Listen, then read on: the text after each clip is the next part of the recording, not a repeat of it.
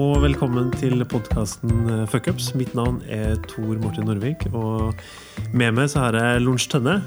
Lunsj, hvorfor har vi bestemt oss for å lage en podkast som heter Fuckups? Du Det starta vel egentlig med at vi hadde en sånn intern eh, workshop i Uredd. Egentlig om hva vi skulle gjøre framover, og hva vi være flinke på. Og så begynte vi å finne en del sånne nesten sånne tabber vi hadde gjort. Og begynte å flire av dem, og så begynte å dykke litt mer i det og se at her var jo ganske mye læring i. Og så var det vel egentlig bare altså, ja, snakka vi om det at vi må begynne å bli flinkere til å la oss òg, i tillegg til å være flinke på det vi er flinke på, og bli flinke til å hylle her feilskjærene og tabbene vi har gjort. Da. For vi har jo vært ganske dristige i ganske mange ting vi har gjort. Si det var noen egenskaper i tabbene våre. For det handla veldig mye om mot og om dristighet. da. Og så var det du som bare sa det at det er jo masse folk sikkert som har det sånn, og bedrifter som har det sånn. Så hvorfor ikke bare starte en podkast? Og her sitter vi. ja, ikke sant. Ja, ikke, ikke, stresse så gærent og hele tida prøve å være så flink, men mm. bare se på de gangene hvor det gikk ordentlig skikkelig på trynet. Se om det er noe god læring der, og alle har jo en eller annen historie som de kan helt sikkert eh, se tilbake på og tenke at shit. Der og da så var det kanskje litt ekkelt, og man tok noen feil valg, men etterkant så har du kanskje vokst og lært på det det her vi gjør i dag, kan jo òg bli en fuck up. Jeg kjenner jo litt på det. Ja, ja, herregud. Vi, vi, vi, vi må, må, bare kaste oss ut i det. Men det som er så fint, da, at eh, vi har fått med oss eh, Magne Isvold, som skal fortelle sin historie. Det var vel egentlig førsten vi tenkte på. Vi tenkte, Hvem har garantert gjort en fuckup? vi får se hvor mange, hvor mange vi har tid til. Men han, eh, han, skal i hvert fall komme til oss i dag og dele, dele sine fjellskjær. Så det tror jeg blir veldig veldig bra. Fint. Gleder meg til det. Er vi klar? Er vi klar til å sette i gang? Ja. ja men Så bra. bra.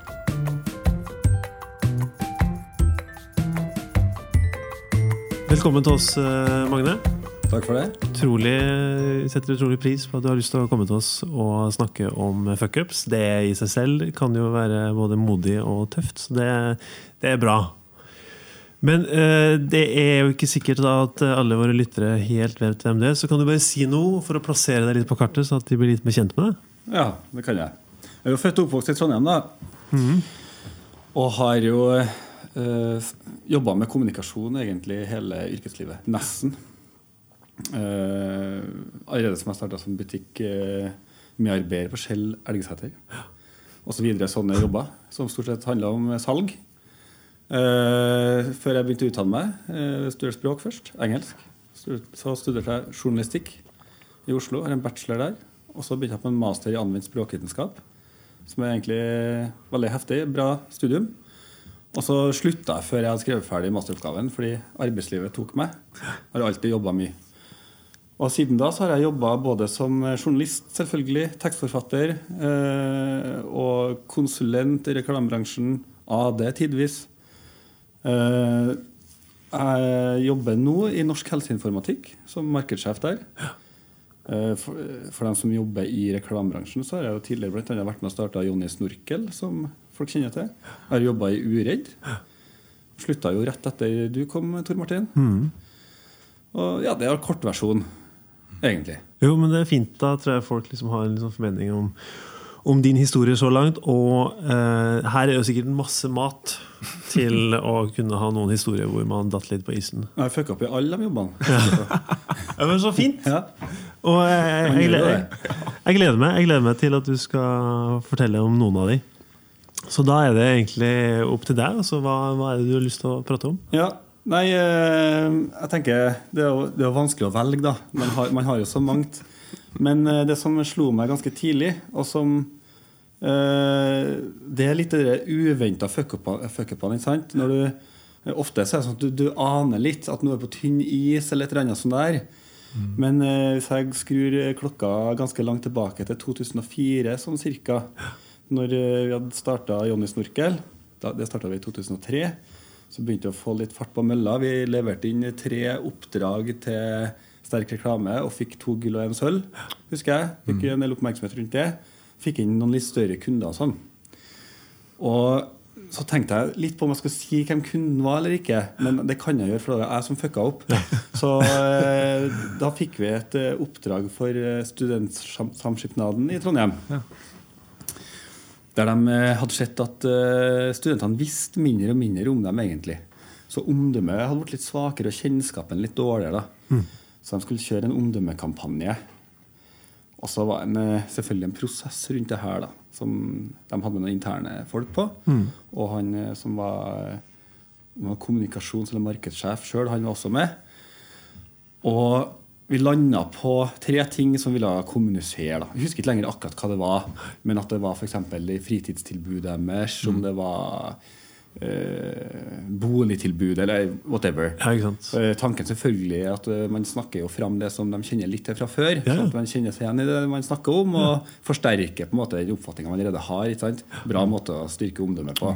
Bra, bra med det det var vår tanke. Det her høres ikke ut som en fuckup så langt. Nei, nei, nei, nei. en skolert mann. Ja. Det. Ja. det, det måtte jo funke, i hvert fall hvis man gjorde det på en god måte. Da, for de kom jo til oss for at vi kunne snakke ungdommens språk. ikke sant? Ja, ja. Stemmer. Og vi var jo ungdommer. Jeg var jo 28, sikkert 28-29 år. Og han markedssjefen var kanskje ca. dobbelt så gammel. Og så eh, fikk vi høre da når vi la frem de tankene om de, de tre hovedbudskapene her, at eh, ja, det er topp, det er fint. Men vi har også et annet budskap som er veldig viktig, og det er at uh, Studentsamskipnaden er jo styrt av studenter. Det er jo studentene som velger styre og så, og så videre, og så videre. Jeg husker ikke detaljene i det. Og så tenkte jeg at ja, det er jo ikke særlig sexy. Og, og det er jo ikke noe som de bryr seg om egentlig sånn i det daglige. Nei, sant. Veldig vanskelig å skape noe særlig mye følelser rundt det. Og så tenkte jeg jo da uh, at uh, det må jeg jo bare forklare. Og, og brukte litt tid på det. og så, eh, etter ikke så, før jeg var ferdig å forklare, egentlig, så sier han ja, vel og bra, men det her er et sty- styrevedtak på det, at det her skal kommuniseres eh, også. Ja, akkurat. Ok. Eh, Så utfordringa deres egentlig var at studentene ikke kjente at det var en studenteid organisasjon, tror jeg. Ja. Det var kanskje ikke en del av spekken når vi starta, at det skulle kommuniseres som Da har vi kanskje gjort ting litt annerledes. Men uansett, så det Jeg brukte en del energi på å prøve å si at ja, men da kaster vi jo bort 25 av de pengene vi bruker på å kjøpe plass til annonseringer bannere hva det måtte være. Eh, fordi at det, det, det vekker ingenting. Det skjer ingenting når vi gjør det. Eh, så jeg tenkte at eh, ja, Jeg vet jo at jeg har rett her. Så jeg, jeg snakker med en fornuftig person. Det her går sikkert Ja, ja. bra, det. For vi ville ha best mulig resultat på det som var oppdraget. Mm. Så her følte jeg fortsatt trygg, da. Du var ikke på glattisen nå, følte du? Jeg, eh, det er litt sånn eh, Jo, selvfølgelig, for du håper jo at kunden sier topp, topp, kjør på. Ja. Ikke sant? Så merker merker jo at man aner jo liksom at det er der. Men det endte jo selvfølgelig med at vi måtte ta med det siste budskapet. Og vi klarte jo å kna det til noe som var spiselig, da. Altså som var, som var mer eller mindre i tråd med resten av de tingene vi laga. Mm men, men det passa ikke helt inn da, i resten av konseptet. ikke sant? Eh, og så viser det seg at uh, de gjør en uh, omdømmeundersøkelse både i forkant og etterkant. selvfølgelig. Så etterpå viser det seg at kjennskapen har økt, omdømmet har blitt bedre. Uh, men eh, tilfredsheten med tjenestene den, den står på det samme. For det var jo ikke meningen å bli nødvendigvis mer tilfreds. Kan jo bli det, men da skal jeg gjort en veldig stor og tung jobb. da. Eh, men så hører vi ikke noe særlig fra ham igjen etterpå. og da, da slår jeg meg liksom Vi følger opp. liksom sånn, Ja, topp, vi er alle fornøyde. Ha ha det fint. og da tenker jeg det at det den viktigste For, det- for det her er jo det, det er jo en, egentlig en ideell partner for et sånn ungt og fremadstormende firma som eh, Jonny Snorkel. Ikke sant? Eh, folk som har middels store budsjetter, ikke kan kjøpe fra øverste hylle når det kommer til pris, osv. Eh, og så så tenker jeg at det er ideell kunde for oss, som er litt i bra match der. Eh, så dem skulle vi hatt som fast kunde. ikke sant? Det er egentlig bra for dem. Vi står masse sammen nok. Ja, Ja. nettopp. Men det ble ikke noe av det. Og så måtte jeg jo gå litt i meg sjøl. Hva, hva skjedde her? Eh, og det er to ting da egentlig som eh, ligger bak der. Og Det ene er jo at sjøl om du har rett, så er det ikke sikkert du får rett. Og det gjelder jo alle oppdrag. Og det er ofte derfor så For jobben min der var jo, Jeg var jo på en måte både tekstforfatter ja, det kan du si. Også prosjektleder på et vis. Men det er derfor det er så lurt ofte å ha konsulenter i et byrå. Sant? Folk som kanskje, eh, eller eh, Prosjektledere varierer litt hvem som har den rollen, da, men som egentlig er for å holde kunden i handa. Og for å spille good cop når, den kreative spiller bad cop, da, sånn som jeg gjorde. Ja, jeg hadde ikke noe good cop, og da burde jeg sjøl tatt den rollen som good cop og se når skal jeg lene meg tilbake her nå, og begynne å lese kunden tidligere. For, for du bruker kanskje energien din på å uh, formidle det som fører jeg til det målet du har satt deg. ikke sant? Når det kommer til budskap og konsept og alt det der. Istedenfor å bruke energien din på å lese den du snakker med, og se hvem er personen her egentlig. Men Hadde du ja. forelska deg litt i på en måte, din egen idé, eller? Det var en nydelig idé, da. Ja. Men, eh, og den, funka jo bra. Men eh, det, det er litt sånn der å skjønne rammene. da. Hva er, hva er mulig å få til her? Mm. Merk hintene tidligere, eh, både i forhold til eh, hva slags personlighet har personen her. Ja. Hva, hva slags agenda eller hva slags stakes da, har den eh, personen her. Uh, vedkommende hadde jo ingenting å tjene på å la meg viljen min der. Nei, nei. Og så gå til styret og si eh, Jo, vi gjorde det sånn fordi, Fordi Magne, fordi sa, Magne sa det. Ja. Mm. Yes. Ikke sant? Så, så det var en sånn lærdom, da. Men han i- hadde vunnet to gull i sterk, så det bør jo Det er ikke sikkert det hadde noe med de jobbene å gjøre, da. Det, det, det er en annen sak. Men eh, Uh, Nei, og det, det handler veldig mye om at uh, det er viktig å altså Det gjelder jo i privatlivet, på en måte. Det er ikke alle kampene en skal ta. Og så uansett om du prøver å ta den kampen, så ta, ta det på en sånn måte og ta det så langt som rammene tillater ikke sant, i den sammenhengen der. Eh, for det kan jo hende at eh, vi kunne like godt gått tilbake til tegnebordet og sagt ok, men her kommer det en ny input. Eh, for her er noe som egentlig ikke ligner på resten her, som dere også trenger å formidle. Kanskje en annen kampanje. Kanskje skal skille ut til to forskjellige, kanskje et annet tiltak. Sant? Kanskje, Forutsetningene endrer seg underveis. Det at En må da tørre å ta noen steg tilbake. Og, altså, Ja. og ikke minst da konsulent eller kreative aktører tør å si det. Mm. Nå har forutsetningen for den første tankerekka endra seg. Nå må vi tilbake igjen. Ikke sant? Og starte litt på nytt, faktisk. Da. Og tørre Ja. å være mer åpen og ærlig på det. og så kan jo vedkommende kutte av og si nei, vi kjører nå. Ja. Og det hadde han sikkert gjort. altså, i tilfellet her. For det har jobba såpass mye med det, og med deres ressurser også. Men øh, jeg tror det, det er viktig. da. Og, men, altså, man kan jo bruke ordet ydmykhet, selvfølgelig. Men man kan jo si at det er litt kløktig òg, ikke sant? Yes. Og, og der eh, Det er jo ikke alle som kommer akkurat i den situasjonen der. Men det handler litt om å eh, vær litt eh, Machiavelli òg, da. Og se hvem er jeg snakker med. Uh, ikke at det er en motstander egentlig, men man har jo bare overlappende mål. Vi har jo ikke det samme målet. Tilfeldigvis så kjenner begge på at de lykkes ikke sant, med den kampanjen. Men vi har jo forskjellige ting vi vil gjøre. Vi vil lage en best mulig kampanje som eh, selvfølgelig er bra for kunden, men hva er det for oss? Jo, for oss er det kanskje at noen ser noe og sier at det var en fantastisk bra kampanje. Så det er vår agenda. Vi vil jo også skave bort ting mest mulig daukjøttet av et prosjekt for å få det til å bli bright and shiny. Ja. Du nevnte eh, to ting. Det ene var at du kanskje ikke helt eh, svarte på brief, men hva var den andre tingene som du bomma på? Nei, Vi svarte på brifen. De hadde ikke tatt med det i brifen, egentlig. Nei, så det er de som hadde Så det kom, det kom jo på en måte når vi oppsummerte det som vi gjennom den kreative prosessen, og med deres medarbeidere også, da, Ja. hadde kommet fram til, så kom det en liten input, en liten eh, eh, sideline task, da, på en måte, som ikke var presentert fra starten av. Hadde det vært gjort det, så hadde man nok angrepet litt annerledes. da. Men eh, ja, Det ene er å lese personen, ja. Og det andre er det med Eller også lese situasjonen, mener jeg, og rammene. Hva, hva er mulig å få til innenfor det her? Ja, ikke sant. Eh, og forholde seg litt mer til det. Eh, og så er det det med kundeoppfølging. For klart har vi hatt tettere dialog med den som til slutt har ja eller nei i prosessen her. Eh, så hadde vi enten fanga opp det tidligere, eller så hadde vi Uh, fått uh, en bedre plattform. da, når vi kommer til, for Han var jo ikke involvert, han, han var på oppstart, han, og så var han på presentasjon. ikke sant? Så da hadde vi fått en bedre plattform for den samtalen, sannsynligvis. Så det er noe med at uh, man uh, Og det med å holde folk informert, selv om de ikke ber om det. Og det ligner litt på et lignende prosjekt som vi hadde samme år med Adresseavisa. Kan vi nevne det med samme, for det er såpass likt. Fordi der hadde vi en lignende De eh, stupte jo i abonnementstall i 2004 generelt, og spesielt for studenter. Og så skulle vi kjøre en kampanje for studentene der, og da fikk vi brifen, og så presenterte vi noen ideer. Så vi fikk gjennomslag for den ene ideen. Og der var det sånn at uh, Adresseavisa insisterte på en sak som skulle være med, da, altså bilde av selve avisa. Uh, hele poenget med kampanjen var jo at avisa mangla, og derfor var unge mennesker frustrert. Men, uh, så vi fikk uh, ordna det på et vis. da. Men der var det en sånn prosess der og det er litt sånn, litt sånn personlighetsmessig, men jeg er jo ikke sjøl så veldig glad i rapportering. Jeg er ikke så veldig glad i å liksom holde folk i loopen. Hvis jeg har sagt jeg skal gjøre noe, så gjør jeg. altså, her, her, kommer, her kommer det ferdig. ikke sant? Eh, og det, det, henger litt sammen, det òg. For at hvis han som var sjef for Samskipnaden, da hadde fått kontinuerlig oppfølging Nå har vi gjort sånn, nå er vi der, og her er sånn og sånn. Bare oppsummert litt for eksempel, fra de møtene og sånn. Som, eh, for da, da, har vi hatt hånd om den kommunikasjonen. Mm. For det som skjedde nå, var kanskje at han spurte sine folk hva som skjedde, og hvor ligger han hen.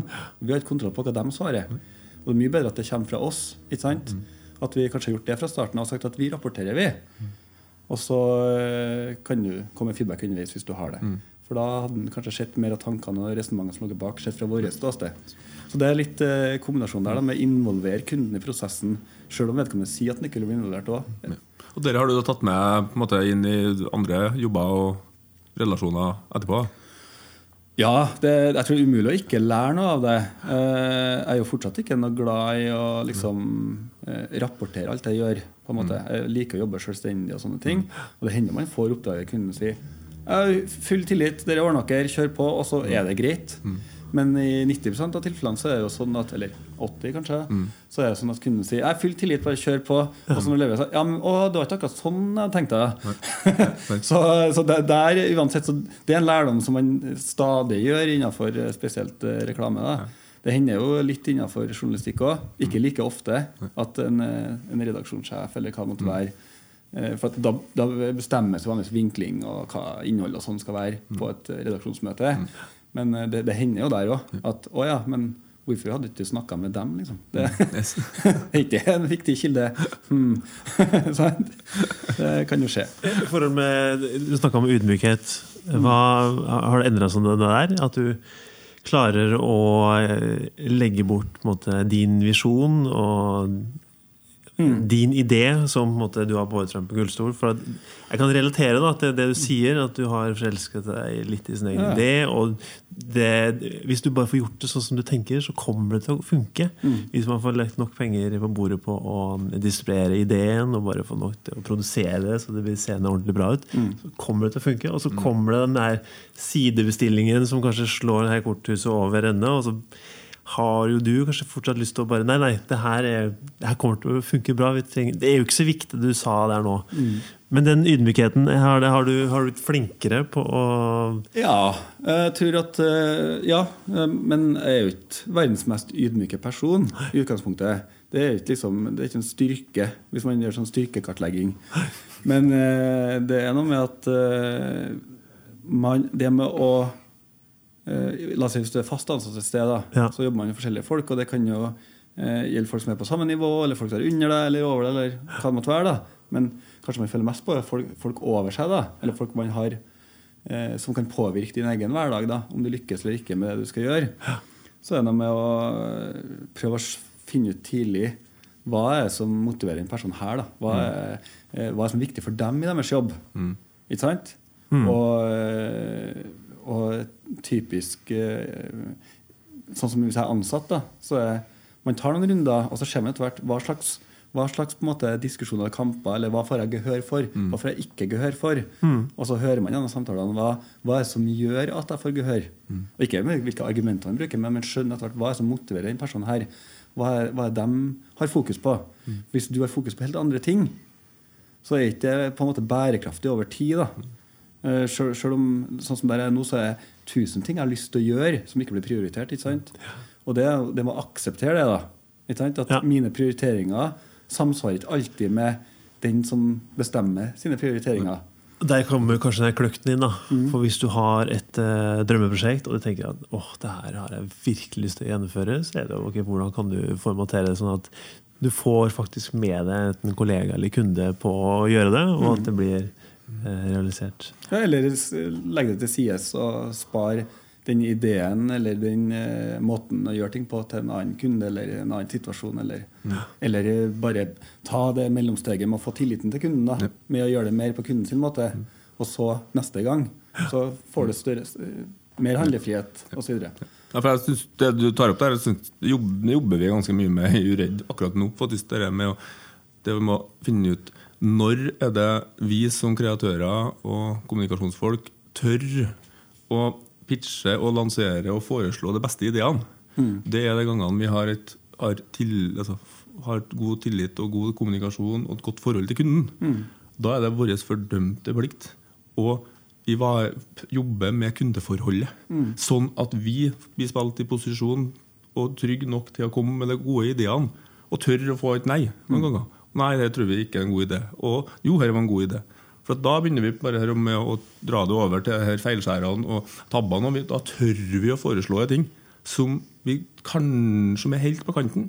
Litt sånn som den kampanjen om Game of Thrones var det kolonialen.no. Som han sa jo i markedssjefen, at ideen var så riv ruskende tullete. De kunne ikke gjøre noe annet enn å si ja til at den ble med. Det betyr at her er det noen som har torra fordi det har vært tillit fra kundeforholdet. Ja. Så jeg synes det er en sånn er en jobb metodisk med kunder. Det er nok en, ja, så det er så det var en fin og lærerik eh, fuckup, det der. da mm. Fordi, og ellers, hvis dere ikke, ellers hadde du jobba sånn fortsatt, du. Hvis ikke det hadde gått til Ja, men, men man gjør jo stadig feilskjær, og det kan være innenfor litt det samme òg. Det handler om å lese folk feil, f.eks. Mm. Eller at eh, andre folk forandrer seg òg. Mm. De får andre prioriteringer eller andre mot motivasjonsfaktorer som kommer inn. Ja. Men jeg tror òg en ting med det her, det handler jo eh, ofte mye om at eh, hvis du lager et eh, high end-produkt, da, Mm. eller sånn god, la oss si god reklame eller god markedsføring, kan du si et high end-produkt, ikke sant? så er det jo ikke alltid at bestilleren ser forskjellen på et value for money-produkt og et high end-produkt. Eh, og da er gjerne eh, oppdragsgiveren vel så opptatt av prosessen. ja. At den føles trygg, at man er komfortabel, og at man kan rapportere det som trengs å rapporteres til dem som sitter og bestemmer over dem igjen. Yep. Sånn at eh, det med prosess, da, Ja. å ha fokus på det, og prosessen sett fra kunden sin side, egentlig, eller fra medarbeideren sin side, kollegaene sin side også. ikke sant? Det gjelder egentlig alle sånne relasjoner. Det- For De fleste er ikke så opptatt av hva som skjer til slutt. Det er hvordan det jobbes. Ja, Det er sant. Vi hadde jo et eh, prosjekt for et par uker siden som egentlig holdt på å, å stoppe opp fordi at jeg hadde ikke inkludert kundene i prosessen. De var førstegangsbestiller av en film, og så var de litt sånn usikre på ok, hva er det vi egentlig betaler for. Vi har blitt enige om hva vi skal levere, og det er high-end vi skal levere. Men eh, prosessen har jo de aldri vært med på.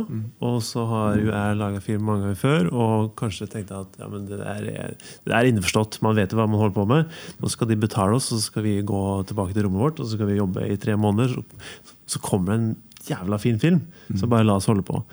Og det tok jo ikke lang tid før de bare sier at vet du, det her går ikke, vi må stoppe prosjektet for vi vet ikke hva vi betaler for. Og da var det egentlig bare å ok, Beklager, jeg skjønner at her har vi vært for dårlige til å skjønne hva deres behov er. Og, det, og da, da var det egentlig bare snakk om at ok, nå skal vi lage en modell av skipet deres, og så skal vi flytte modellen av skipet deres fra A til B, og så skal vi lyssette det, og bare være helt sånn på, på liksom pedagogisk eh, Nesten på sånn barnenivå, og bare ta det gjennom prosessen. For da ga vi jo de trygghet, og så ser de hva som skjer. De klarer å se fremdriften fra uke til uke. Og da er jo når produktet er ferdig, så har jo de vært med hele veien. Og, det, og det, det der må man liksom hele tida ha med i bakhodet når du jobber med folk. At det er så lett at man tar feil av hvor de er i forhold til hvor man selv er. fordi at det er jo jobben. Man er jo man er jo så vant til å gjøre det. Det, det er jo noen typer kunder som jeg merker kan være litt annerledes. Det er ikke så ofte, men det, det er jo dem som eh, du har, De har en veldig sånn målbar eh, business. da. La oss si en nettbutikk, f.eks. Og så skal man gjøre tiltak der, og da er ikke de så opptatt av prosessen. Da er de opptatt av at ok, eh, du, du gjør det, hva, hva ligger igjen her? Hva, hvor mye brukte vi? Hvor mye sto vi igjen med? Topp, det funka, ferdig. og da er jeg mer sånn Ja, jeg vil helst ikke vite hva du gjør. Ja. Men det, det er liksom de fleste andre så er en prosess der kunden er nødt til å henge litt mer i svingene.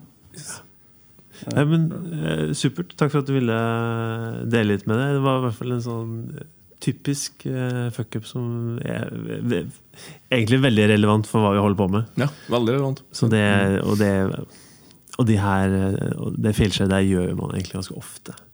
Glemmer egentlig hva Man glemmer kanskje ikke helt kundens bestilling, men eh, man klarer ganske ofte å endre på den, så at den noen gang kanskje ikke svarer helt på hva den er på jakt etter. Fordi at du har løpt litt for fort. Eh, men det, det er alltid noe man kan jobbe og bli bedre på. Og da lage en metodikk og lage prosess sammen med kunde som gjør at de på et tidligere tidspunkt kan komme inn med det som styret hadde bestemt. i din Ja, ikke sant? Sant? For at så lenge hvis vi bare får, tar, tar imot bestillinga og springer og gjemmer oss og lager noe morsomt og bra og som vi vet funker, og så kommer tilbake og så, ja, Hvis en involverer kunde, så hadde de kunnet komme tidligere med, den, med det som du har. Ja.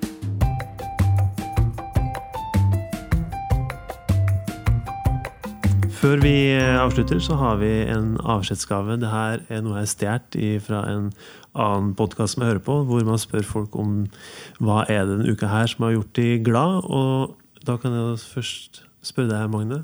Hva er denne uka her som har gjort deg glad? Det er mange ting, det, altså. Men eh, spesielt én ting som kan overføres til andre.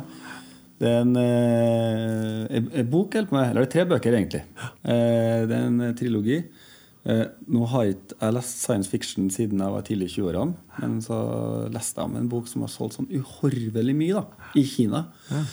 Eh, og etter hvert i Vesten. da. Eh, så tenkte jeg, må jeg kjøpe. da. Så jeg kjøpte den på engelsk. og det er eh, For dem som har lest eller leser litt science fiction, så minner litt om Isaac Asimov, som har skrevet noe som heter Foundation-serien. Kan minne litt om den. Det starter med kulturrevolusjonen i Kina. Eh, Og er veldig sånn down to earth, egentlig. Du aner ugler i mosen. Eh, uten å røpe for mye, så starter jeg med uh, sånn SETI-prosjekt, Search for Extraterrestrial Intelligence. Ja? Og som uh, lykkes da i Kina. Og så det store spørsmålet i serien hva skjer når man får kontakt med en utenomjordisk intelligens? Og det er veldig, veldig spennende. Veldig ekstremt bra skrevet. Eh, god litteratur i tillegg til å være bra science fiction. Og så tar det liksom eh, lang tid før det blir mye, veldig mye science i det. Så, eh, Så fint. så at selv folk som ikke er så opptatt av science fiction, tror jeg nok kan sette pris på spesielt den første boka. Så fint. Ja, men Supert. Takk for tipset. Du har Lunsj, hva er det som har gjort deg glad denne uka her? Oh, det er som Magne sier, det er mange ting. Jeg hadde veldig lyst til å si litt annet sånn jobbmessig, ja, kjente jeg. Ja. Når jeg begynte å tenke på det nå. Eh, Det var en sånn, jeg hadde en workshop der jeg følte at her, her er litt på feil vei, og så er øyeblikket det løsner. På en måte at Den todagers workshopen ah, Der satt det. Hadde lyst til å si den, nå har jeg sagt den, men Så bra. Ja, Men den der eh, ja, Jeg hadde en fantastisk matopplevelse på Jossa for en dag. eh, Kjente jeg. eh, Etter workshop. Og, og det Når en på en måte Alle sånne restauranter som Jossa og Credo og andre restauranter, det, det er at det bare setter seg tilbake i stolen, og så bare blir Altså det, det er kunst. Det, det er som å gå på teater. Altså, det var en fireretters. Ja. Men jeg husker, du spurte meg da hva jeg hadde spist. Jeg husker faktisk ikke på det. Jeg husker bare på opplevelsen. Og det er en sånn, eh, ja, og det, det er så deilig å bare bli under altså, La flinke folk bare få tilfredsstille den sansen. Det. Jeg Det var en helt fantastisk god opplevelse. Ja, ikke sant? Ja, men takk for tipset. Da ble jeg glad. I mitt tilfelle så er det Jeg kjører jo bil til jobben, så jeg har begynt med lydbøker. Og eh, i år så er det jo siste sesong av Game of Thrones. Så nå har jeg begynt å høre på lydbok av Game of Thrones. Det er jo eh, Når du starter den lydboka, så står det at ok, det er 37 timer. Det er 37 timer du skal høre på en eller annen kar som driver og snakker om de folka i Vesterås. Men det er, det er ekstremt eh, bra. Og jeg ser jo også serien samtidig, så jeg ser den på nytt igjen. Så jeg er veldig sånn her Game of Thrones-univers akkurat nå. Og for de som ikke har sett det, eh, sett serien på HBO eller lest eller hørt lydbøkene, så herregud, kjør på. For siste sesong er jo like rundt hjørnet, og det er jo fint å bare ja, varme opp til eh, den her krigen mellom flamme og is. Eh, takk skal du ha, Magne, for at du ville komme og prate med oss. Og vi regner med at eh, episoden eh, fra oss skal slippes på mandager. Det er vel det som er planen. Ja. Og ellers så håper jeg at alle der hjemme og som hører på oss, har eh, en fin uke. Hei nå! Hei nå!